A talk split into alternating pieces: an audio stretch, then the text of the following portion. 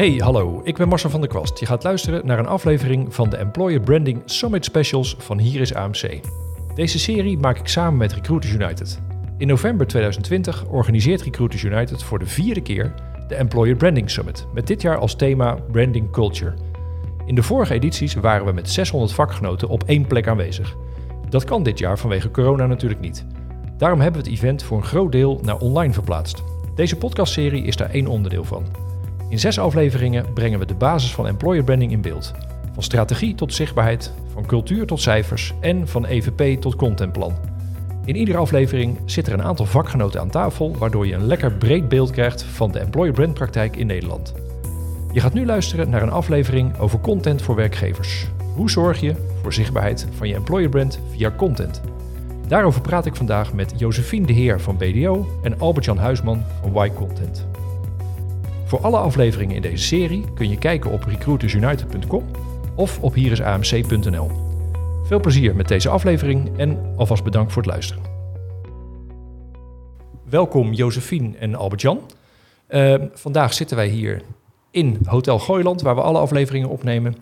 Uh, en we gaan met jullie een, uh, nou, ik denk een drie kwartiertjes praten over content voor werkgevers. Uh, de rolverdeling is als volgt. Albert-Jan is vandaag de expert van dienst over content. Daar gaan we eerst heel eventjes het onderwerp mee neerzetten. Daarna Josephine, wees niet bang, we komen vanzelf bij jou terecht. En dan gaan we over de praktijk van nou, jouw contentpraktijk bij BDO gaan we praten. Daarna hebben we een aantal dingen over, op tafel met algemene onderwerpen. En dan denk ik dat we een interessant, interessante aflevering over content kunnen maken. Albert-Jan, we beginnen met jou. Jij bent vandaag de, de content-expert. Je bent de, de, expert van dienst. Zo heb ik elke aflevering een expert en een uh, één of meer werkgevers aan tafel. Laten we het onderwerp content eens neerzetten. Want uh, je hoort er natuurlijk veel van. En uh, wat, waar hebben we het over als het over content gaat? Maar niet voordat je jezelf hebt geïntroduceerd. Want anders is het heel onbeleefd dat, dat ik gelijk naar de inhoud naar je vraag. Dus heel kort, wie ben je, wat doe je? Uh, mijn naam is Albert-Jan Huisman. Uh, ik werk zo'n 25 jaar alweer in uh, allerlei marketing en business development en communicatiefuncties. marketingdirecteur geweest bij een advocatenkantoor, bij een accountskantoor, later overgenomen de BDO. Um, directeur marketing Europa geweest van een groot Amerikaans consultiebedrijf. Toen werkte ik in Londen.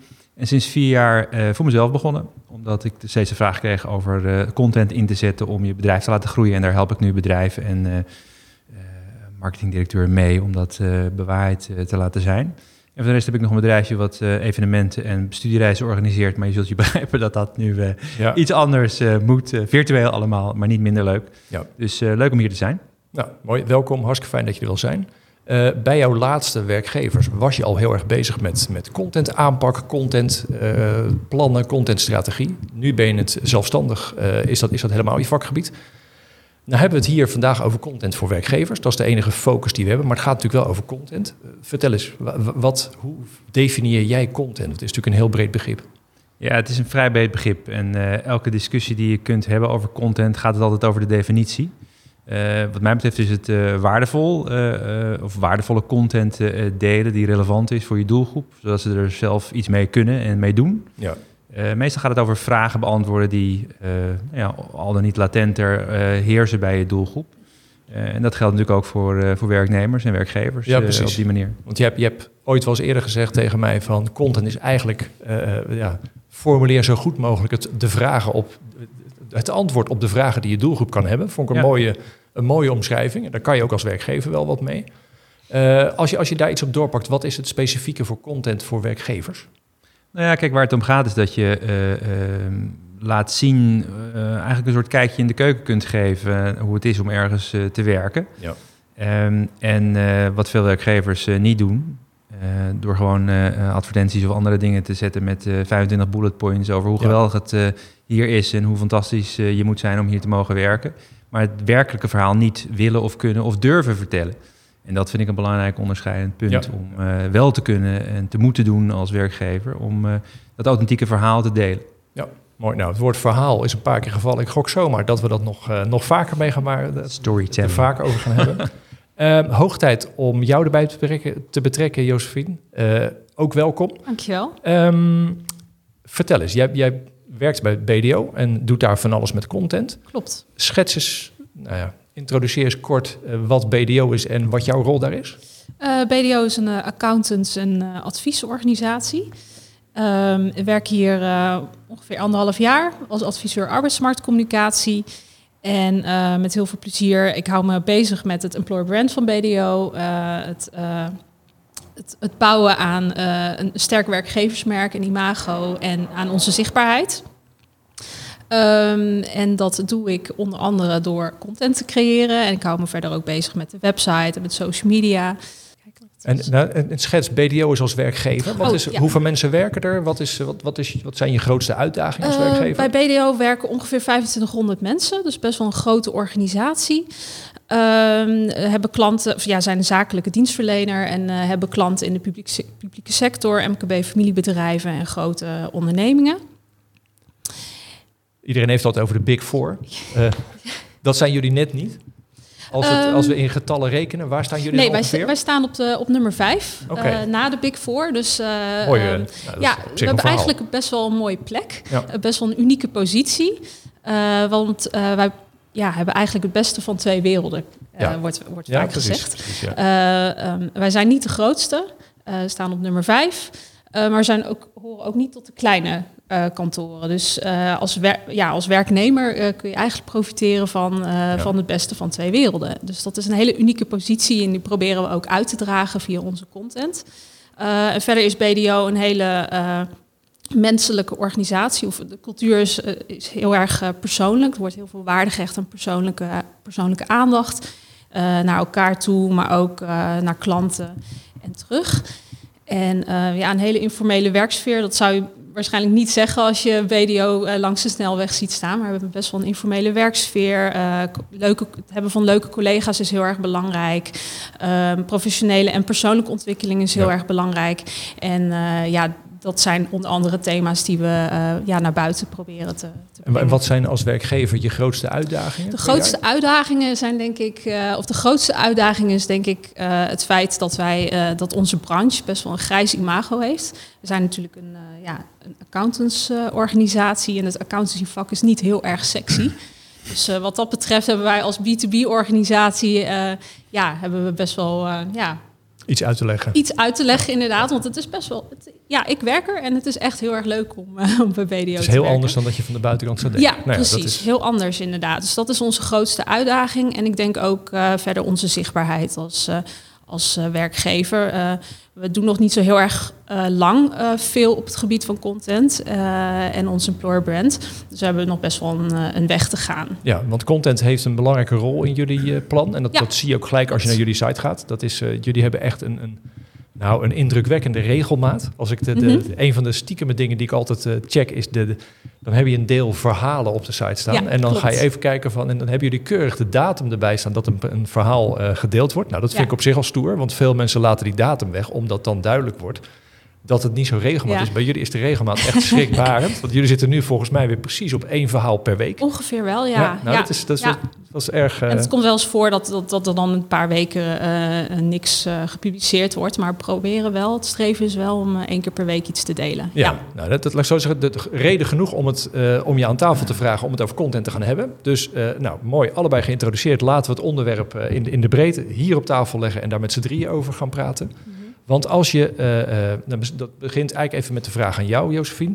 Uh, als je die, content maakt, hè, hebben jullie dan, omdat content zo'n breed begrip is, heb je bepaalde basisregels waar het aan moet voldoen? Of heb je een soort, nou ja, laat ik het woord maar de eerste keer noemen, heb je een bepaald format wat je kiest? Of, of wat, hoe zorg je ervoor dat het niet zo heel breed is waar je het over hebt? Ja, nou, we, hebben, uh, we hebben natuurlijk een contentstrategie een, eh, een, een, tijdelijke contentstrategie eigenlijk vanwege corona. Ehm, we hebben natuurlijk een EVP, uh, we hebben in het verleden doelgroeponderzoeken gedaan. Dus wij weten, uh, wij weten best wel veel over onze doelgroep. Dus de, de mensen waarvoor we onze communicatie tot richten.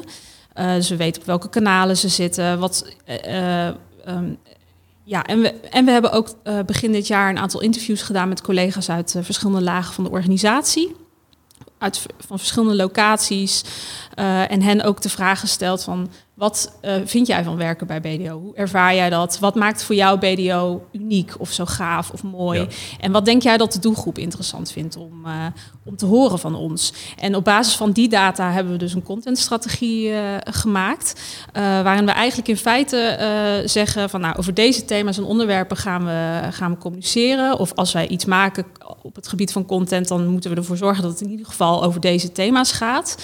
en er staat ook in wat voor type content we eigenlijk uh, maken. En, het, en de doelstelling in die strategie is vooral zichtbaarheid? Zichtbaarheid, Naar buiten toe? Ja, ja maar ook uh, ja, de doelgroep natuurlijk bereiken en uh, laagdrempelig met hen in contact komen. Ja, Albert-Jan, en dan de vraag aan jou. Als je, als je het over nou, het woord contentstrategie is al gevallen, het woord content planning. Dat is een beetje de, de, de, de termen om het behapbaar bijna te maken. In plaats van dat je willekeurig content gaat maken. Mhm. Het klinkt ook nog steeds wel als heel, heel groot, heel breed.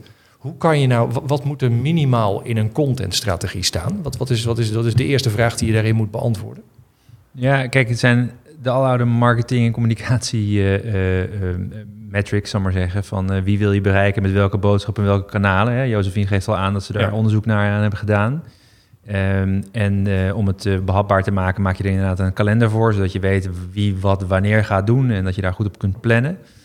Um, en als het goed is, staan er ook bepaalde uh, KPI's bij, zodat je kunt meten of je daarin succesvol bent of niet. Ja. En daar kan je op, op bijsturen. Belangrijk vind ik altijd wel dat je zo'n kalender maakt, maar dat je ook ruimte houdt voor flexibiliteit. Hè? Dus dat je kunt inspelen op actualiteit, maar dat je ook kunt stoppen met dingen die niet werken. Of juist dingen kunt versterken die wel, wel werken. Ja, er moet een soort proberen budget in zitten altijd. Ja, je moet, je moet het een beetje flexibel houden. Hè? Als je er strak aan vasthoudt en zegt, ja, we doen dit voor een jaar en na een jaar ga je terugkijken, dan ben je niet goed bezig. Nee. Je moet kunnen blijven bijsturen. Um, Gelijk ja. vraag aan jou, Josephine. Heb je al, heb je al bijgestuurd? Ja, dat doen we wel eens. Oh, ja, ja uh, als we bijvoorbeeld een. Uh, laatst was er ook een onderzoek uh, wat naar buiten kwam over hoe studenten graag benaderd willen worden. En er stond ook in dat. studenten het bijvoorbeeld heel erg prettig vinden om juist nu in corona toch wel laagdrempelig met een werkgever in contact te komen. Dus daar hebben we ook begin in mei hebben we ook een campagne gedraaid. en daar, daar hebben we dan ook onze campagne op aangepast zodat uh, studenten uh, ook laagdrempelig met onze campusrecruiters uh, in contact kunnen komen. Hoe werkt dat dan? Wat, wat, is dan hetgeen wat jullie hebben aangepast? Hoe, um, nou, we, hadden, we waren sowieso van plan om een campagne te starten. En we hadden gekeken van nou, welke, welke content werkte nou heel erg goed de afgelopen maanden. Nou, dat waren twee blogs, die werden heel erg goed bekeken. Die hebben we organisch gedeeld en er was heel veel traffic opgekomen. Dus Waar die ging het over? Uh, over uh, werken bij BDO. En dat waren twee uh, starters. En we hadden begin dit jaar een vacaturestop. Met uitzondering voor een hele specifieke doelgroep. Namelijk starters en studenten van accountancy. van, met een accountancy-achtergrond. dus we hebben er toen bewust voor gekozen om een campagne te gaan draaien voor die doelgroep. En we hebben ook twee blogs uitgezocht. die voor die doelgroep ook waren bedoeld. Um, en die hebben we in een campagne hebben we die gesponsord op Facebook en Instagram. En uh, um, we, hebben ze, uh, we hebben het opgedeeld in twee verschillende fases. Dus uh, eerst de awareness fase, waarin we gewoon de, de blogs hadden gepusht. Um, en met als doel lees, lees de blog, lees het verhaal. En vervolgens in de volgende fase hadden we een aantal animaties laten maken en laten sponsoren die uh, de doelgroep uh, ja, wel zouden aanspreken. Dus hele toffe meer, animaties. Dan werd het meer naar werving gestuurd. Ja, ja precies. En in plaats van meteen naar de website doorverwijzen of meteen een vacature van solliciteer nu, hadden we een een, uh, hebben ze doorverwezen naar een, een, soort formulier waar ze drie gegevens of zo hoefden achter te laten. Bijvoorbeeld naam, e-mailadres, telefoonnummer. Dus heel laagdrempelig met het idee van nou laat hier je gegevens achter. En dan neemt een van onze campusrecruiters contact met jou op. Ja, en dat werkt heel goed. En dan is het, als je de, de rol van die twee blogs omschrijft hè, voor die doelgroep. Als je dan, uh, kijk, het, het, we, hebben hier bewust een uh, aparte aflevering over content voor de zichtbaarheid. Omdat content toch wel iets, iets anders is dan uh, wat mensen gewend zijn om campagne te omschrijven. Nou, zoals jij het voorbeeld voor de werving omschrijft, grijpt dat vrij, uh, werkt dat heel nauw samen. Weet je? Het, het ligt heel dicht tegen elkaar. Maar laten we toch even proberen te duiden van wat een content aanpak, laten we het zo maar noemen. Wat maakt dat nou anders dan een ja, dan een standaard campagne aanpak? Of, of nou, de, de vraag die we dan daarna stellen is, bestaat er nog een campagne zonder content? Maar daar komen we wel op. Mhm. Maar eerst even over die aanpak. Hè. Dat, de, mag ik jou dat eerst vragen, Albert-Jan? Wat, wat maakt een content aanpak nou net anders? Um, ja, je gaat uit van de vragen die er leven bij je doelgroep. En uh, het gaat meer over uh, uh, niet zozeer het pushen van je diensten of je aanbod, maar meer over het, nou ja, wat je net al zei in de introductie. Het antwoord geven op de vragen of latente vragen van degene die je wil bereiken. En dat doe je door middel van het delen van waardevolle en relevante informatie op een consistente manier, zodat je doelgroep er ook iets mee gaat doen. Ja. En um, voorheen, en dan uh, dateer ik mezelf uh, een klein beetje, zeker in de accountancy waar ik toen ook werkzaam was, was ongevraagde dienstaanbieding verboden, letterlijk ook wettelijk verboden. Dus dan had je hele lange personeelsadvertenties waarin hele verhalen werden verteld. eigenlijk de voorloper van content wat mij betreft. allemaal weer afgezakt toen het weer wel mocht, maar toen gingen we weer bullet points zeggen met hoe geweldig het is om hier te werken. Um, en dat, dat verlaat je weer een beetje door gewoon verhalen te delen over, uh, nou ja, dat kijkje in de keuken waar ik het net over had. Ja. Uh, en uh, aansprekende inhoud te maken die relevant is voor je doelgroep. zonder dat je jezelf de hele tijd op de borst slaat van ja, maar dit is zo fantastisch. Ook, ook gewoon echt authentiek zijn daarin is, meer, het, is, ehm, ja, het is iets meer iets geven dan dat je gelijk iets begint te vragen. Ja, het is waarde creëren, het, is, het, is, het is geven, het is mensen helpen vooral. Hè. Helping is de nieuwe selling, zou maar zeggen. Ja. Uh, in plaats van dat je uh, heel erg loopt te zenden over hoe fantastisch het is uh, om ergens te, te, werken. Ja, nou, het, het, leuke is als je helemaal in de, de, nou, bijna de geschiedenis van content aanpak gaat duiken, dan, dan zijn de, de, de Shell Helpt boekjes van vroeger of de, de, wat ze met de Betuwe Shem van, met Flipje uit Tiel met, met stripboeken erbij. Weet je, dat waren dingen die kreeg je cadeau bij, bij, ja, bij spullen of bij merken. Ja. Dat is eigenlijk, is dat in de basis, is dat content marketing. Weet je, gewoon een beetje... Michelin-gids bijvoorbeeld. Ja. Uh, door Michelin, om ervoor te zorgen dat je heel veel restaurants ging bezoeken, zodat je heel veel banden ging verbruiken en daarna vervolgens weer uh, nou ja, het, banden ging kopen. Precies, dus dat, dat, dat, weet je, dat je dus echt nadenkt wat je, wat je kunt geven aan je, uh, aan je doelgroep, hoe je ze kunt helpen. Zoals, ja. zoals jij het is, vooral, het is vooral helpen inderdaad. En dat is voor heel veel bedrijven best eng. Want die zeggen als eerste, ja, maar waar staat mijn logo dan? En uh, waar, waarom zeggen we niet dat het van ons komt? Of uh, waarvoor kunnen we niet uh, meer dingen pushen? Vooral de salesafdeling ja. vindt dat wat lastig. Ehm, en dat is nou, jezelf heel kwetsbaar opstellen door te zeggen, ja, maar wij zijn bereid om mensen te helpen. Ja, dit is wat we, dat we te vertellen hebben en het, het verkopen komt eigenlijk wel later. Ja, precies. Je hebt bijvoorbeeld in Amerika heb je een, een, een ziekenhuis, de Cleveland Clinic, en uh, daar zit een dame die maakt content uh, met het mantra van wij helpen wereldwijd hartpatiënten. met interessante informatie die ze een beter leven kunnen geven. En of ze nou patiënt worden hier of niet, dat maakt ons dan niet uit. Nou ja, dat is het, het, de basishouding. En het klinkt natuurlijk heel nobel, want eigenlijk wil je natuurlijk wel dat je nou, mensen ja, trekt. Maar... Het dubbele is dat, dat die, die basisaanpak, weet je, die moet er bijna zijn. Aan de andere kant, je wilde wel iets mee bereiken. Ik bedoel, jullie willen wel starters werven, weet je. Dus ergens die tweedeling, zo'n... Zo hoe, hoe werkt dat dan? Moet, je, moet jij hard je best doen in je organisatie? Om bijvoorbeeld die twee blogs, weet je, die daar gemaakt worden... Mm -hmm. daar stop je tijd, daar stop je energie, daar stop je moeite in. Heb je er moeite om dat tussen aanhalingstekens verkocht te krijgen? Want het is natuurlijk uh, het is minder direct wervend dan dat een goede vacaturetekst zou zijn. Nee, eigenlijk, uh, eigenlijk niet. Um, bij ons ligt er best wel veel content voor het oprapen. Um, het is nog wel uh, inderdaad lastig om. ja, je, we hebben gewoon collega's nodig. Zonder hen lukt het niet om die verhalen te krijgen. Um, maar zodra we ze uh, vragen om, uh, om mee te werken, uh, heel vaak is dan de reactie: Oh ja, superleuk dat ik hiervoor ja. word gevraagd. Collega's, ja, medewerkers zijn gewoon heel erg trots op wat, ja. wat ze aan het doen zijn. En vinden het al een hele eer als je ze daarvoor vraagt. Het is dan nog wel een uitdaging om ervoor te zorgen dat ze tijd hebben om, om een, ja, om een blog te schrijven, bijvoorbeeld, of om mee te werken aan een verhaal. Maar soms bieden we daar dan ook wel weer wat hulp bij door. Ja, precies. Heb, je, heb je daarvoor een soort interne campagne voor je aanpak gemaakt? Hè? Want dat is een andere manier eh, om met content naar buiten te treden. Ik kan me voorstellen dat, uh, en je hebt bij, uh, bij BDO heb je natuurlijk gewoon professionals die uren moeten schrijven. Dus die ja. moeten daar gewoon ook tijd voor maken, net wat je net aangeeft. Dus ik kan me voorstellen dat je ook een campagne maakt intern om het belang van content aanpak neer te zetten en daar mensen voor te recruteren, zodat ze zich ook in de mindset van een journalist, zou maar zeggen, uh, die verhalen uh, aan jullie brengen, toch? Ja. Ja, wij organiseren regelmatig social media webinars. waarin we ze ehm, sowieso hulp. Voor intern bedoel je? Ja, intern. Ehm, maar daar hebben we ook een stuk employer branding bij.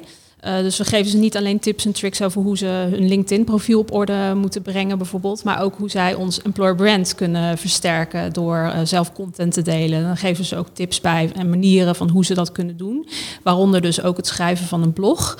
Dat hebben we er dan ook uh, in opgenomen. Dus, en, en, ook cijfers over hoe um, um, ja, wat hun activiteiten op LinkedIn bijvoorbeeld eigenlijk opleveren. We zien bijvoorbeeld in de cijfers terug dat wanneer wij iets delen op onze BDO-kanalen, eh, dat de traffic uh, bijvoorbeeld 25% is en 75% van de traffic komt vanuit, uh, vanuit de medewerkers. Dus, en dat, dat is ook informatie die we dan geven van kijk, het heeft wel echt degelijk zin om het te delen op je eigen, en LinkedIn. Schrijven ze die blogs bij jullie helemaal zelf? Um, ja, sommige uh, collega's kunnen dat zelf. Uh, ja, de een kan gewoon heel goed schrijven dan de, of beter schrijven dan de ander. En uh, um, sommige collega's vinden dat wat lastiger, of die hebben dan geen tijd, of die vinden het gewoon lastig om, om iets moois op te schrijven. Uh, dan geven ze wat hulp door bijvoorbeeld uh, wat vragen op de mail te zetten. Dan geven ze de antwoorden in hun eigen geschreven woorden, mailen ze dan weer terug. Maken wij daar een mooi lopend verhaal van. Zo komen we ook al best wel, uh, best wel een eind. En in sommige gevallen schakelen we een tekstschrijver in. Die en dat is, dat is een mooie combinatie, want jij diende dit, dit, het woord de journalistieke aanpak liet je, liet je vallen. En, en dit geeft ook aan, weet je, als je het hebt over de rol die communicatie heeft bij het, het maken of het ophalen van content nou, welkom bij deze live-uitzending. Hier reed een motor voorbij, dus dat krijg je er allemaal gratis bij. Hij reed door de, de studio. Um, nee, maar je hebt de, de, de, rol van een communicatieafdeling bij het, het maken of het ophalen van content, die is ook echt wel wezenlijk anders. Want, want precies zoals je hem schrijft, hè, de een kan goed schrijven en de ander echt niet. Ja, dan, dan, terwijl die nog steeds een prachtig verhaal hebt. Dus, dus, dus het, het, uh, ja, je moet daar in die zin wel mee mee kunnen schakelen en niet te strak vasthouden aan een ja, weet ik het, aan een aanpak of aan een format. je moet heel erg ook je mensen helpen. Klopt, ja. Ik heb uh, bijvoorbeeld ook een template gemaakt. Um, een blog-template waar uh, die, ja, die, die, medewerkers kunnen gebruiken, zodat we in ieder geval zeker zijn dat we alle elementen ja. beschikbaar hebben, zoals een foto, functieomschrijving, een biografie, dat soort zaken. Ja. Maar mensen vinden het toch makkelijker om het soms gewoon op de mail te zetten. Ja, nou ja, en hun vak, weet je, de mensen die je aan het woord wil laten, hun vak is niet communicatie. Zij zijn goed in accountancy of, of wat voor andere uh, smaak je ook in huis hebt. Dus juist daar moet je heel goed zoeken, hoe, krijgen, hoe kunnen we ze nou helpen? Ja. Dat, ja. Oké. Um, als, je, als je gaat kijken, hè, want, want er is natuurlijk er is heel veel te maken. Uh, je kunt, precies zoals je uitlegt, mensen aan het woord laten over hoe het er echt is. Aan de andere kant uh, zit daar ook een beetje het gevaar in voor content. Want ik las nu een onderzoek dat geloof ik maar 5% van alle content die gemaakt wordt, dat zorgt, dat, dat zorgt voor een beetje engagement. Voor de rest is er heel veel ja, uh, niet spraakmakende content. Maar dat is natuurlijk niet alle content hoeft spraakmakend te zijn. Wanneer is iets nou goede content? Is het, is het, en dat hangt natuurlijk straks samen met de, de, de doelstellingen die je benoemd hebt hoor. Maar als je voor een werkgever gaat kijken, wanneer wat, wat, is, wat is, ja, ik zou bijna willen zeggen, wat is goed genoeg voor een werkgever? Waar kan je mee beginnen? Zonder dat we allemaal hele grote, ingewikkelde producties moeten maken. Oh, oh, oh, sorry, dan moet ik natuurlijk tegen een van jullie zeggen wie het eerst mag. Alles, nou, Albert-Jan, begin jij. um, ja, wat is goed genoeg? Nou, misschien zijn er twee eh, aspecten in jouw vraag. Hè. Je zegt 5% wordt maar engagement, uh, of wordt, wordt gelezen, of er is genoeg engagement voor iedereen moet maar content maken. En dan heb je de discussie tussen wat is kwalitatief hoogwaardige content uh, en wat aansluit op de vragen van jouw doelgroep. En wat is, wat is uh, kwantiteit? Want ja, ik moet een blogje inleveren of iets dergelijks, hè, wat je misschien wel eens vraagt aan mensen. Um, en dan willen mensen dat niet. Ik heb ook wel eens video's gemaakt met mensen. Nou, misschien niet een heel goed idee om met mensen niet video te maken. nee, nee, precies. Nee. Um, dus ehm, de vraag is ook, uh, en, en deels is het ook een distributievraag. Hè, van, goh, we maken content en dan vervolgens is het volgende... en dan vergeten we het hele distributievraagstuk. Ja, maar even vanuitgaan dat dat allemaal goed gaat. Um, kijk, het moet uh, relevant zijn. En het is niet vaak relevant. Het is vaak gewoon vanille. het is allemaal een beetje beige. Nou ja, beige Maar oké, dat, dat ga ik gelijk even een, met denkbeeldige pen een dikke streep onderzetten. Want dat klinkt namelijk, relevant zijn, klinkt heel logisch. Alleen ik weet zeker dat als iedere werkgever die dit hoort kritisch gaat kijken naar van wat is dit voor relevant? Ben je terug nou, bij laat ik het zo zeggen, het moet relevant voor je eigen bedrijf zijn. Voor je eigen uh, uh, EVP, wat je net ook zei. Daar vanuit moet het waarde hebben. Ja. want ehm, kijk, volgens mij is het niet een heel groot probleem om content te maken, om heel veel bekendheid te genereren of heel veel mensen te laten solliciteren. Het gaat erom dat je de juiste mensen laat solliciteren en bij de juiste mensen bekendheid krijgt. En dat neemt gewoon wat meer tijd. en dat is het format wat jij net noemde, Josephine, of uh, de, de, de, de gedachte van, oké, als we content maken, moet het vanuit deze uh, centrale waardepropositie of, of iets anders gemaakt worden, zodat iedereen dat ook gewoon in zich heeft. Ja. Ik heb heel veel klanten die zeggen, ja, maar ik ga ook content maken. En dan maken ze iets en denken, ja, weet je, het begint pas interessant te worden op pagina 5. Uh, en het gaat ook over iets wat je zelf heel graag wil communiceren, in plaats van wat uh, de doelgroep. Hè? En dat is vaak dat mooie Venn-diagram van wat wil je zelf communiceren en wat wil je doelgroep graag horen. Nou, als die te ver uit elkaar liggen, dan is de relevantie natuurlijk ver te zoeken. En dat moet je zoveel mogelijk naar elkaar toeschuiven. Ja. Um, ik denk dat, nou, je moet een heel goed beeld hebben over wat wil je uiteindelijk bereiken. En daar moet je, uh, even afgezien van uh, alle andere zaken, de randvoorwaarden daaromheen, daar moet je ook elke keer weer de schrijvers op, op, op, op wijzen. Ja, en als ik die naar jou paas, Josephine. Uh, als je gaat kijken naar aan de ene kant, het moet authentiek zijn, dat woord is al een paar keer gevallen. Uh, aan de andere kant, je hebt ook je werkgeversverhaal. Dus dat wat jullie bijzonder maakt ten opzichte van alle andere werkgevers waar je doelgroep uit kan kiezen. Hoe zorg je ervoor dat of laat ik dat ik er met een klein voorbeeld onderstrepen. Ik zie als ik door mijn eigen tijdlijnen scroll, dan kom ik heel veel authentieke mensen tegen. Mhm. Om het maar even netjes te zeggen. Want dat zijn mensen die kijken mij gelijk aan en die, die, die, ja, die zeggen: kom er gezellig bij. Want uh, ja, nou, dat, dat zijn mensen die eerlijk gezegd, daar stop je niet voor met scrollen. Want dat is alleen maar ja, authentiek, zou ik bijna willen zeggen. Er zit voor mij nog niks bijzonders aan. De mix die Albert Jan zegt, is van oké, zorg dat het ook genoeg bijzonders vertelt over jou als werkgever hoe zorgen jullie ervoor dat de verhalen die je ophaalt binnen je organisatie, dat dat, ja, dat, dat wel echte BDO-verhalen zijn? Um, ja, dat, dat, daarvoor hebben we ook die, die contentstrategie gemaakt, waarin we ook uh, uh, ja, op papier hebben gezet waar onze content aan moet voldoen. Wat, uh, wat de thema's zijn, welke onderwerpen. Ehm, wat we nog niet echt hebben gedaan, is wat we niet uh, delen. Dus dat zou eigenlijk wel, uh, ik denk dat dat ook wel belangrijk is om erin te, te, verwerken. Maar wat we nu vooral hebben gedaan is van, nou hier moet het in ieder geval aan voldoen. Uh, dit zijn onderwerpen die onze doelgroep ehm, wil horen. Ik denk bijvoorbeeld aan ontwikkelingsmogelijkheden bij BDO. ik hoor van, van collega's hoor ik dat die heel erg goed zijn. Um, maar daar vertellen we nog eigenlijk helemaal niet zo heel veel over. Dus dat zouden we dan veel meer moeten doen. Dus daar uh, uh, maken we dan ook echt gericht content voor. Dus uh, in plaats van dat we iedereen oproepen van ga een blog schrijven, we geven wel wat richtlijnen mee. Precies, van hier moet je het, ja. weet je niet waar je over moet schrijven. Hier hebben we wat onderwerpen waar je inspiratie uit kunt halen. Of ehm, we zijn bijvoorbeeld nu ook bezig met op onze website die ontwikkelingsmogelijkheden goed neer te zetten. Dus daar willen we ook een aantal uh, authentieke verhalen bij, uh, bij zoeken. Dus daar gaan we wel echt gericht naar op zoek naar collega's die daar ook echt iets over kunnen vertellen. Ja. En dan is je, je werkgeversverhaal of je EVP, dat hebben jullie ook benoemd. Dus dat is waarschijnlijk, zit het ook uh, op een paar pijlers bijna benoemd in je werkgevers, in je, in je contentstrategie. Ja. Is dat, hoe, meer, hoe makkelijk krijg je mensen daarover te schrijven? Of vraag je ze eigenlijk niet om over die onderwerpen te schrijven, maar zoek je gewoon eigenlijk daarom de mensen uit? Um, ja, beide eigenlijk. Um, voor die ontwikkelingsmogelijkheden gaan we wel echt gericht op zoek naar, uh, naar mensen die daarover kunnen ja. schrijven.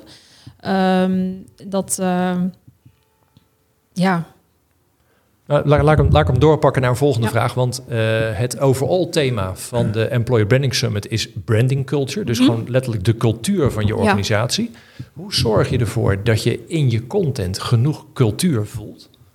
Hoe, hoe, nou, hoe zoek je dat aan de ene kant op door mensen te vragen iets te ja. maken? En hoe bewaak je dat eigenlijk? Um, ja, door uh, ook in ieder geval die vraag ook te stellen. Van wat maakt BDO voor jou uniek? Dat is eigenlijk altijd een standaard vraag dat uh, in mijn lijstje staat als ik een collega vraag van ja, wil je een blog schrijven of, of een verhaal delen? Dan staat altijd die vraag erin. En uh, vaak is dan ook het antwoord uh, persoonlijke aandacht. En dat is ook echt een, een belangrijk, of dat is echt iets wat kenmerkend is voor BDO. de persoonlijke aandacht die er is en de mensgerichte ja. cultuur. Dus ja, op die manier zorgen we er eigenlijk wel voor dat mensen daarover door ja. ja doorvertellen, zeg ja, maar, precies. in, een verhaal. Door ze in ieder geval, weet je, door ze de vraag te stellen, zorg in ieder geval dat het erin zit. Dus eigenlijk, weet je, dat komt in een paar dingen die je zegt, komt het wel naar voren. Van stel vooral vragen aan de mensen. Weet je, mhm. in plaats van dat je zegt, uh, dit is het formatje. Dat, dat, ja. Oké. Ja, wat ik me afvraag is, um, wat maakt het uniek om hier te werken? Hè? Um, als we het over authenticiteit hebben, dan is het ook over het echte verhaal. Vraag je ook wel eens, wat maakt het nou wat minder leuk om hier te werken? Um, ja, de uitdaging. En als je dat koppelt weer aan, zeg maar zeggen, dingen die... Want blijkbaar, hè, er zijn altijd dingen die minder leuk zijn. Mm maar toch werken mensen 10, 15 jaar ergens. Mhm. Dus op een of andere manier vinden ze het toch niet zo erg dat ze daar dan door weggaan. Ja. En als je dat koppelt aan iets positiefs, dan heb je daar ook wel weer een heel leuk verhaal aan. Nou, sterker nog, het zijn vaak onwijze leuke manieren om een gesprek op gang te krijgen. Ja, precies. Niet gelijk want, naar alleen maar de favorieten, maar juist van... Nou, nou daar heb ik zo'n ontzettende hekel aan. Ja, prikken mensen ook alleen maar die positieve dingen. Het is hier geweldig. En we vliegen hier volgende week naar Londen en dan ga je met de CEO werken. Oh, jongen, Nee, maar juist, weet je, wat is... De, toen dat nog kon overigens. Hè, durven te falen en zo, weet je. Dat je zegt, uh, je, je, stralend falen kwam ik van de week tegen als een soort rubriek van content. Nou, het is echt hartstikke leuk, want ja, dat is mensen, leuk. daar geef je ook als organisatie mee aan, dat die ruimte er is. Dat het een soort kwetsbaarheid is. Dus dat, dat is juist om het eh, helemaal mee eens. Nou, maar het geeft ook weer dat je, uh, als je daarin eerlijk bent, dan kun je ook daardoor mensen niet op het verkeerde been zetten als ze bij je solliciteren. Ja, precies. Want dan krijg je echt de mensen die denken van... ja, oké, ik weet hoe het echt is... in plaats van dat ze bij Glassdoor gaan kijken of whatever, weet je wel. Ja, uh, en daar, ondanks dat, maken een weloverwogen keuze. Uh, Als je zo transparant en eerlijk bent... Nou ja, dan ben je denk ik goed bezig in de kwaliteit en kwantiteit... Uh, verhouding van je aanwas. Ja. En ook voor je loyaliteit van mensen. Hè? Dat mensen zich, willen daar heel graag bij horen of bij blijven horen. Ja, nou, mooie toevoeging. Heel, ja, het is toch zo fijn om een expert aan tafel te hebben. Weet je, dat kan ik lekker op terugvallen. Eén ehm, onderwerp, een beetje, beetje hak op tak, maar uh, die moeten we zeker bespreken. Uh, ik zou het bijna willen noemen video versus de rest. Want je hebt natuurlijk, uh, er is steeds meer video. als je niets vermoedend om je heen leest, dan is het ook maar één mogelijk toekomstscenario. Alles wordt video. Nou, ik moet je eerlijk zeggen, daar, daar geloof ik niet in. Ik geloof wel dat video steeds belangrijker wordt. Maar hoe nou, dan laat ik je letterlijk de vraag stellen: maken jullie veel video's? Um, Heb je een TikTok-strategy? Nee, nog, nog niet. Nee, we maken eh, op dit moment niet veel video's omdat, vanwege corona. Omdat het toch een beetje onhandig is om dan een videoopname te gaan, uh, gaan doen. En uh, collega's moeten daarvoor naar kantoor. En het advies is natuurlijk zoveel mogelijk thuiswerken. Zoom opnemen is dus, niet het meest nee, interessante nee. beeld. Dus dat, dat is eigenlijk een van de redenen waarom we nu op dit moment nog niet zo heel veel met video doen. Maar iedereen vindt dat natuurlijk wel fantastisch en, en, en leuk om, om video's te delen en, en, en te maken. Uh, dus we hadden vorig jaar ook een video gemaakt. Uh, um, en ik hoor een ambulance. En uh, die, ja, dat was, was leuk om, om te doen. En mensen vonden dat ook. Um, ja, die heeft ook, ook heel erg goed gedaan op social. En veel mensen hebben we daarmee kunnen bereiken. En we hebben nu wel wat campagnes waarin ook wel wat video's ja, gemaakt worden. Maar ik zie zelf in de cijfers terug wanneer ik een videodeel vanuit uh, employer branding. Uh, en ik vergelijk dat met de cijfers van bijvoorbeeld een, een interview, een artikel op de site. ja, daar is veel meer traffic komt daarop. En is dat dan dezelfde soort content of is dat dan anders? Ehm, nou, ik kan het ver vergelijken. Wij hebben bijvoorbeeld drie video's hadden we voor een campagne gemaakt. Uh, en drie blogs. Dus we hebben uh, drie video's met drie collega's op laten, op laten nemen. En die drie collega's hebben ook een blog geschreven. Uh, we hadden eerst die video's gedeeld. Ehm, in combinatie met de blog van, nou, hier, hier zie je een video van, van, medewerker, van een medewerker. klik hier voor haar blog. We zagen dat op die blog eigenlijk nauwelijks geklikt werd. De video werd wel goed bekeken, maar de blog zelf niet. Um, en ik denk dat als wij dat andersom hadden gedaan, dat we eerst die blog hadden gedeeld zonder die video met alleen een foto, dat, uh, dat er veel meer traffic op was gekomen. Dus ik denk dat ja, voor awareness en zichtbaarheid is een video werkt dan wel weer heel erg goed. Maar voor de traffic naar de site uh, geef ik de voorkeur aan een, uh, aan een artikel op de site. Ja, maar het is vooral wel de mix die je zoekt. Ja, ja. Mag ik nog wat vragen daarover? Ja. Nou, ik vroeg me af, want normaal gesproken, kijk, als je over employer brand praat, praat je ook over branding in zijn totaliteit, hè? hence the word branding. Um, Ben je daar ook in overleg met bijvoorbeeld uh, marketing communicatie van BDO of, of, business development van BDO? En hoe breng je dat bij elkaar? Of, of zit dat allemaal bij jullie allemaal in één? Begrijp je? Ja, ja, Ik, ik werk uh, nou samen met uh, mijn collega's van marketing en communicatie. Ik ben ook onderdeel van de marketing en communicatie afdeling. Maar dat is niet altijd zo, hè? Want ik ken ook bedrijven waarbij dat echt gescheiden is. Hè? Dit is HR, dit is mijn ding. Klopt. Ik heb wel heel veel. Nou ja, dat is als je nou één ding moet typeren van het vakgebied employer branding, is dat het uh, ergens ertussenin zit. Ja, precies. Het is, maar niet heel, heel weinig dedicated mensen die dat dan doen, behalve dan jij, maar ook als onderdeel van marketing. En vaak is het een strijd van HR weet heel veel van HR, maar minder van communicatie, durf ik te zeggen. En de communicatie wat, wat minder van HR. En ja. samenwerken is dan ook al niet altijd echt heel fijn. dus. Ja. Nee, ik werk uh, heel veel samen oh, met, uh, met recruitment. Ja. Um, en, uh, um, maar ook heel veel met collega's van marketing en communicatie, met ja. interne communicatieadviseurs en um, ja, ja, we maken ook gebruik van dezelfde social media kanalen. LinkedIn bijvoorbeeld wordt, uh, werd voornamelijk ingezet uh, voor content voor uh, potentiële klanten. Ja. En nu gebruiken we die ook voor employer branding content. Dus we werken daarin uh, ook heel veel met elkaar samen. Je, je kalenders stem je daar ook op af. Ja, ja, ja, ja, we maken gebruik van hetzelfde, dezelfde tool. Oh, nice. uh, waar ook de contentkalender in staat. En dan heb ik voor employer branding nog wel een aparte contentkalender, omdat we ook uh, omdat we Facebook en Instagram wel ja. primair inzetten. Nou, voor, dat is ook iets, weet je, dat branding. wil ik er ook nog even uitlichten. Hè? Want je moet vooral als employer branding moet je niet te los gaan staan van de rest. Want, want heel, je ziet soms ook nog wel dat er dingen er heel veel content beschikbaar is binnen een organisatie. Maar dat, dat, ja, maar dat is geen arbeidsmarkt. Dus daar heb je dan qua employer branding niks aan. Terwijl juist dingen die, die iets vertellen over wat er bij een organisatie ja. gebeurt, ja, dat draagt allemaal bij aan het employer brand. Dus ja, daar, daar nee, kan je vaak ook heel erg mensen mee helpen. Omdat je, ja, weet je... Kan je toch niet los van elkaar? Nee, nee, nee. nee, ik, uh, ho, ho, ho. Ik nee, nee, nee, maar ik, weet dat jij er niet zo over denkt, maar ik begrijp niet dat mensen daar zo over denken. Nou, je moet vanuit die gebruiker denken. En die gebruiker, ik, ik gebruik altijd maar het voorbeeld van als ik onderweg naar een organisatie toe en ik word afgesneden door een busje met het logo van die organisatie achterop, ja, dan is dat, uh, dat is geen employer branding signaal. En toch ga ik wat minder positief over die organisatie denken in mijn ja. hoofd.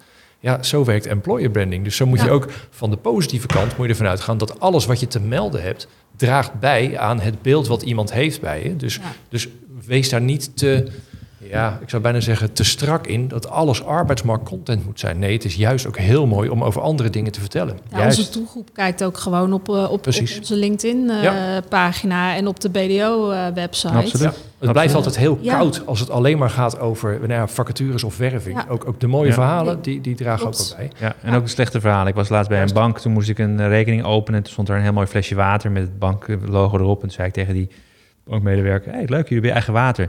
Ja, weet ik veel. Dat heeft iemand op het hoofdkantoor bedacht. en ik, oh mijn god, nou ja, weet ja, je wel, dan klaar. ga je daar echt uh, helemaal klaar. Echt ja. qua employer branding, maar ook qua branding gewoon echt. Uh. Ja.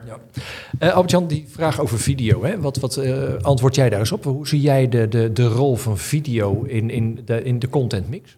Nou ja, kijk, het is helder dat als je, uh, hoe jonger de generatie is, hoe meer video's ze consumeren, het liefst ook nog uh, nou ja, vaak ook zonder geluid. Dus je moet met je, met je captions, ja. uh, je moet uh, de ondertiteling erbij doen. Want er zit 80% geloof ik zonder geluid ja, te kijken. Binnen een paar seconden moet duidelijk zijn dat het leuk genoeg is om door te kijken. Ja, dat exact. exact. Um, kijk, als ik naar mijn kinderen kijk, is video super belangrijk. die gaan niet hele lange blogposts lezen. nou zijn die nog niet oud genoeg om ergens te solliciteren. Hoewel mijn oudste dochter wel al 18 is overigens. um, maar ja, weet je, je moet content maken uh, via de kanalen die je doelgroep aanspreekt. Uh, zo simpel is het. En als dat video is, dan moet je video maken. Ja. Uh, en je kan het ook op meerdere... Kijk, wij maken dit ook op een podcast, maar we nemen het ook op video. En als ik in de auto zit, is het wat minder handig om video te kijken. Dus luister ik de podcast. Ja. Het is gewoon de kanalen die je doelgroep gebruikt om je boodschap te consumeren. Ja. Ja, maar zeker, weet je, video is natuurlijk dominant medium uh, tegenwoordig, net zoals voice. Uh, ja. Daar moet je ook content voor maken voor voice search en dat ja. soort zaken. Nou, het interessante is, er komt steeds iets bij, maar er gaat nooit iets echt af. Dus, dus de, de, ik geloof zeker. Nee, het wordt wel, wel drukker inderdaad. Nou ja, kijk, dat maakt het ook moeilijker om die hele mix te maken. Want ja. maar maar ik, ik geloof zeker dat er wel een rol blijft bestaan voor gewoon een, een goed geschreven verhaal met een paar beelden erbij. Met, met maar inderdaad helemaal met je eens. Uh, ja, maak de keus niet te makkelijk voor je doelgroep. Want die bepaalt zelf wel wat ze, wat ze willen gaan kijken. Dus luister daar wel naar. Maar val ook niet in de, in, in de, in de, in de val dat je vanaf dag één content moet maken op al, elk platform. Nee, nee. want dat betekent dat dan moet je echt echt, echt niet doen. Want uh, dan spreid je jezelf te dun en dan wordt het gewoon helemaal niks. Ja. Uh, dus je moet eerst uh, één kanaal domineren, zou maar zeggen, en daarna gaan diversificeren. Nou, dat is een mooie. Alsof we hem ingestudeerd hebben. En dat, oh. dat hebben we natuurlijk ook uitgebreid. Maar, Kijk het even na. ik, ik, nee, ik wil de vraag nog stellen van als je het woord contentkalender is nu een paar keer gevallen. Hè, om gewoon de slag te maken naar praktisch aan de slag met content.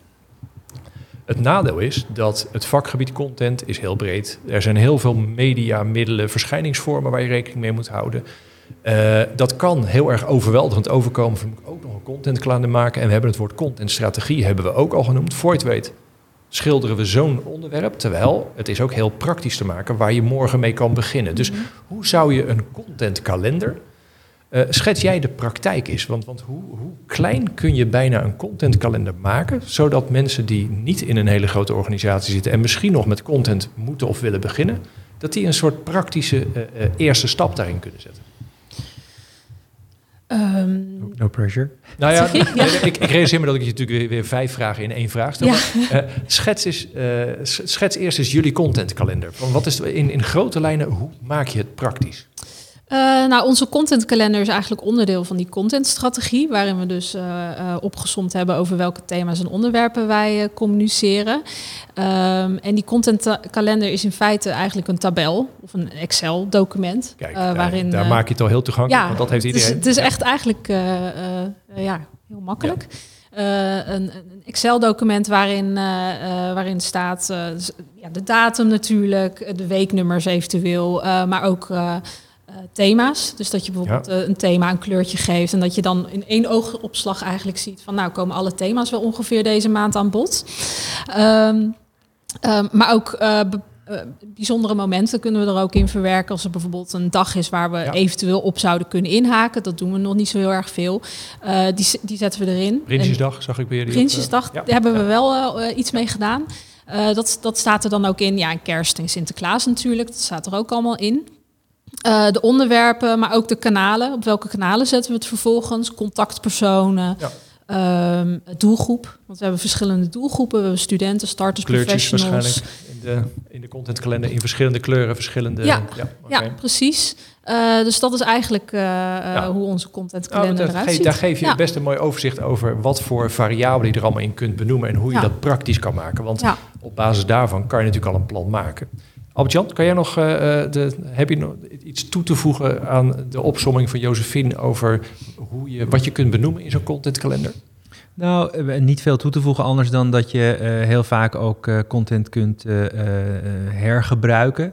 Hè, op een andere manier, op een ander kanaal. en dat je ja. niet overal ja. altijd hetzelfde doet op hetzelfde moment.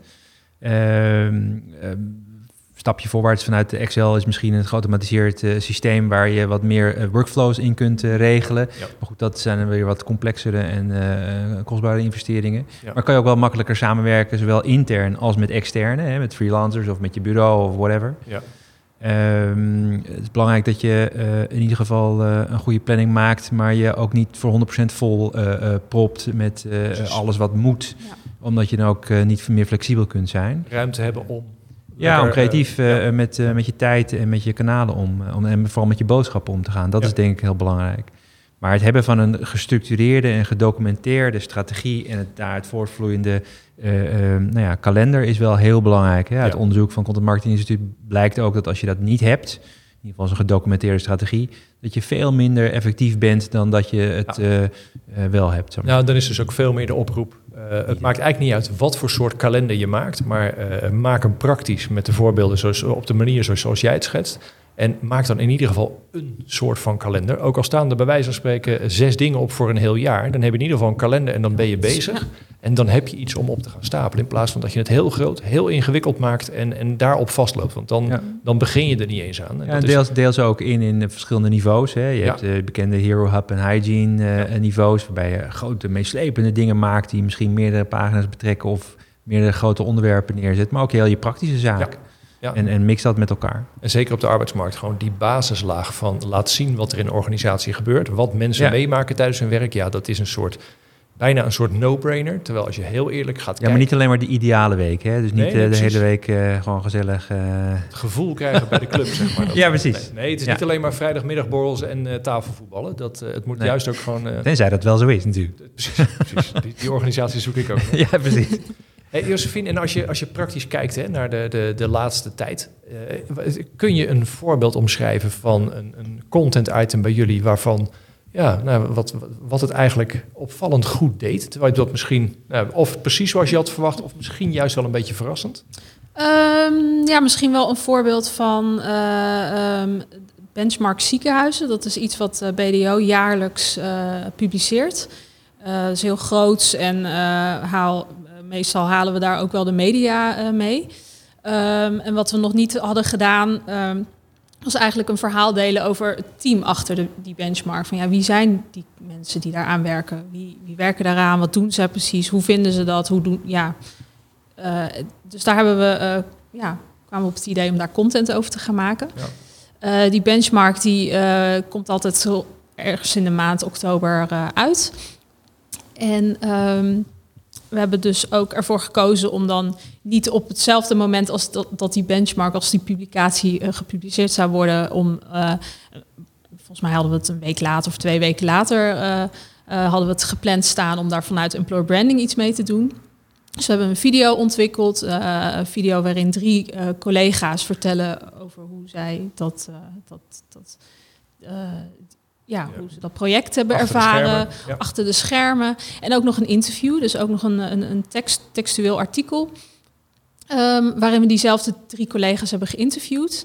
Um, die content hebben we gedeeld op onze website. We hebben ook die video's hebben we gedeeld op onze sociale kanalen in combinatie met, uh, met het interview. Um, die hebben we ook laten sponsoren. Uh, dus op Facebook, LinkedIn en, en, Instagram hebben we die ook met een klein budget uh, hebben we die gepusht zodat we daarmee ook nieuwe doelgroepen zouden bereiken. Uh, en we hebben ook de collega's die deel hebben genomen aan de video en uh, uh, achter de schermen ook aan dat project bezig zijn geweest, hebben we ook gevraagd om, om de content te delen. En ja, dat heeft best wel veel bereik opgeleverd en traffic. En daarin zien we dus ook in de cijfers terug dat juist de activiteit van collega's, dat die de meeste traffic hebben opgeleverd. Los van natuurlijk de gesponsorde content. Ja. Uh, en wat deed dat intern bij jullie? Nou, mensen waren heel erg trots ja. uh, dat zij uh, ten eerste dat ze hiervoor werden gevraagd. Vonden mensen, mensen hartstikke leuk, worden daar heel enthousiast van. Oh, wat leuk dat ik daaraan mee kan doen. Dat doen we bijna nooit bij BDO, dus dat is wel, wel heel gaaf. en mensen vonden het ook heel erg leuk om te delen. Ja, het deelt, deelt, natuurlijk veel makkelijker zo'n verhaal dan dat je een keer een vacature moet delen. Zeker, omdat ze gewoon zelf in die video zitten van, nou, ik ben super trots op. en ook directe collega's, die vonden natuurlijk ook uh, hartstikke leuk. Ja, mooi voorbeeld. Dus, mooi ja. voorbeeld ook van juist de actualiteit koppelen met ja. wat er bij een organisatie gebeurt. Ja, dus dat, uh, ja en dat proberen nou, we dus ook Ik vond het wel interessant om bij jullie Prinsjesdag op de, uh, op de site te zien. Want dat is oh, voor mij het, het, het, hoogtepunt van een fiscalist of zo. Klopt, ja. Dus dat vond ik een mooie invalshoek. En dat brengt me ook bij, als je kijkt naar bij de Rijksoverheid, is Prinsjesdag natuurlijk ook een, een ja, een soort, een soort Rijksoverheidsfeestdag bijna. Want met het aanbieden van de miljoenennota die hadden ook, uh, Werken voor Nederland had ook een mooie uh, special gedaan op Instagram rond Prinsjesdag. Waarbij je ook, geloof ik, zes, zeven mensen van het, uh, die, die het bij hebben gedragen aan de miljoenennota. Tot en met het koffertje aan toe, tot en met de minister aan toe. Die kon je toen volgen. Dat was ook wel, die, die, nou, die zullen we ook wel in de show notes vermelden. Dat is ook wel een mooi voorbeeld hoe je met ja. eenzelfde moment per organisatie ook iets kan doen om te laten -hmm. zien wat er gebeurt. Ja. Mag ik nog wat vragen over de, je zegt we zien het in de cijfers. Wat voor soort cijfers zijn dat? Zijn dat dan bereikcijfers of uh, wat, wat, wat, wat meet je precies? Ja, dit zijn dan kliks. Uh, okay. Dus ik uh, geef alle linkjes eigenlijk een UTM-code, ja. Google Analytics code, waarin ik dus kan zien komen de ik maak eigenlijk voor elk kanaal een, andere, een ander linkje. Dus ik maak voor LinkedIn maak ik een, een specifiek linkje, voor Facebook, voor Instagram, maar ook voor de, de LinkedIn-link die ik aan collega's geef. Dat is ja. een andere, er zit een andere code in. Dus nee, dat begrijp ik. Alleen wat is dan de, wat is de conversiedoelstelling? Wat probeer je uiteindelijk te bereiken? Want bereiken is natuurlijk ons gaaf en leuk. Alleen uh, dat kan voor je naamsbekendheid heel erg belangrijk zijn. Mm -hmm. Wat is het uiteindelijke doel? Uiteindelijk denk ik om mensen binnen te krijgen, toch of niet? nou, het doel voor die campagne was vooral zichtbaarheid van, van ons merk en vertellen dat we daarmee bezig zijn. Want dat uh, deden we eigenlijk uh, toen ook nog uh, veel te weinig. Dus daar wilden we eigenlijk mee beginnen. Dus dat was ons hoofddoel. Ja. maar indirect zijn er wel sollicitaties opgekomen. Dat okay. konden we ook terugzien in de cijfers. Dus dat is. nou, dat, dat ik, zeg, mag ik dan nog één, één vraag over stellen? Ik vroeg me af, die sollicitaties, krijg je daar dan ook weer van terug van de mensen die die sollicitatie afnemen? Of dat ook de juiste mensen zijn die je bereikt hebt? Um, dat, dat is lastig natuurlijk, ja, dat, begrijp is lastig. ik hoor. Maar... Ja, ja, omdat we toen nog uh, uh, ja, in de beginfase zaten, konden we alleen zien dat we sollicitaties hadden binnengekregen, ja. maar niet wie. Dat, dat was wel jammer. En daar proberen we nu wel wat okay. meer uh, onderzoek naar te doen om te kijken of we dat kunnen verbeteren. Nice. Ja, ja.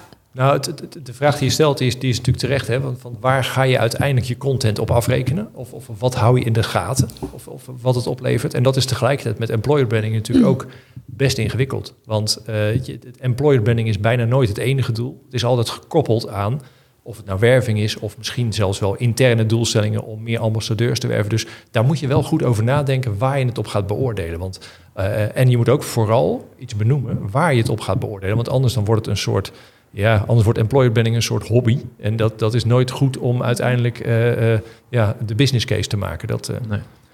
Ik ga voorzichtig naar een eind toe, want we, gaan, we gaan goed door de tijd heen.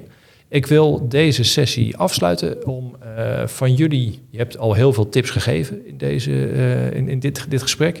Ik zou je willen vragen om aan het eind nog één tip te geven aan je vakgenoten die dit luisteren of kijken van nou, letterlijk die naar deze uitzending geluisterd hebben over content. Wat zou je ze voor één tip mee willen geven? En dan valt er een stilte en dan moet ik natuurlijk zeggen wie ik als eerste het woord ga geven. Nou, Albert-Jan, jij mag beginnen. um, nou ja, als tip zou ik uh, iedereen willen meegeven om inderdaad, wat Josephine ook heeft gedaan, interne campagne te maken om mensen aware te maken of bewust te maken dat ze allemaal kunnen bijdragen aan de verhalen die ze naar buiten brengen. En vervolgens dat dan ook te doen, en ze daarin te faciliteren. Um, en ook ze uit te dagen om uh, het, het, het, echte verhaal te vertellen. In plaats van alleen maar de pure, alleen maar wij zijn geweldig uh, verhalen. Uh, als je de verhalen van ja, wat er minder leuk is, maar koppelt aan hetgeen wat ze toch heeft toen besluiten om daar al vijf tot eh, tien jaar te werken, bij wijze van spreken, dan heb je iets, iets, iets gaafs te pakken en ook onderscheidends. Ja. Er is al genoeg content, maar je moet echt gewoon een beetje onderscheidende content maken. En dat zou ik wel als tip willen meegeven. Ja, mooie. Nou, Josephine, je hebt even na kunnen denken. Dus. Ja, ik heb even na kunnen denken. Um, wat ik als tip mee kan, zou kunnen geven een, uh, aan uh, vakgenoten die bijvoorbeeld in een grote organisatie zitten en die het lastig vinden om uh, die authentieke verhalen te vinden. nou, zo'n interne activatie kan daarbij bijdragen. maar wat ook wel handig is, is om goed um, ja, om, om, om, het interne netwerk ook van collega's te gebruiken. Bijvoorbeeld collega's van, die met interne communicatie bezig zijn. Uh, recruiters, die kennen ook heel veel mensen in de organisatie. Dus gebruik dat interne netwerk. Um, ik maak er zelf ook gebruik van. Ik krijg heel veel hulp van recruiters. Uh, maar ook van collega's van interne communicatie. Bijvoorbeeld een personeelsblad. waar ook heel veel verhalen in staan. authentieke verhalen over... Um, ja, authentieke verhalen van BDO'ers. Dat zijn ook weer mooie verhalen die ik weer kan hergebruiken voor employer branding. Ja. Uh, dus uh, ja. ja. Nou, dat vind ik een hele goede. Blijf gewoon zichtbaar, ook voor je collega's. En blijf het permanent uitdragen dat je dit soort verhalen zoekt. Ja, dat ze weten uh, en blijf goeie, Precies, en blijf goede vragen stellen en, en stel je op als die... Uh, ja, die nou, private detective. De, nou, dan komen ook de enthousiastelingen in je organisatie. Die komen op een gegeven moment weten ze waar ze moeten zijn. Dus dat, dat vind ik een mooie. Ja, zeker. Uh, heb ik nog één tip van mezelf uh, die, die ik eraan toe wil voegen. En dat is vooral, ga ook vooral op zoek naar content die er toch al is binnen een organisatie. Want je hebt heel veel organisaties, nou, zeker bij overheidsorganisaties, daar wordt echt veel content gemaakt om het publiek te informeren. daar is zit vaak heel veel bruikbaars tussen, waar je richting arbeidsmarkt ook iets mee kan. Door er bij wijze van spreken uh, nou ja, twee vragen aan toe te voegen en iemand vertelt ineens over zijn werk en je hebt ontzettende goede content die voor 80% al bestaat. Dus daar zit ook heel veel winst in. Dat, dat die, die wilde ik zelf nog eventjes toevoegen. Ja, zoals een oud teamlid van mij zei, het goud ligt in de kelder. Ja, precies. precies. We, we, hebben het al. Dus precies, dus- we hebben het al. Ja. Oké, nou daarmee zetten we een punt achter deze aflevering. Uh, dankjewel Josephine, dankjewel Albert-Jan voor een goed gesprek over content. Ehm, ja, nou dat Dankjewel voor je komst hier en voor je bijdrage. En nou, dit was dan een van de afleveringen die we maken voor de serie over employer branding. Ehm, tot de volgende keer. Dankjewel. Jij ook bedankt. Tot zover deze aflevering. We hebben een serie gemaakt van zes afleveringen over de verschillende onderdelen van een employer branding traject. Luister ze allemaal voor een mooi totaaloverzicht of kies er één of een paar uit met het onderdeel dat jou specifiek interesseert. Je vindt alle afleveringen op recruitersunited.com en op hierisamc.nl. Op recruitersunited.com vind je ook meer informatie over de andere onderdelen van de Employer Branding Summit.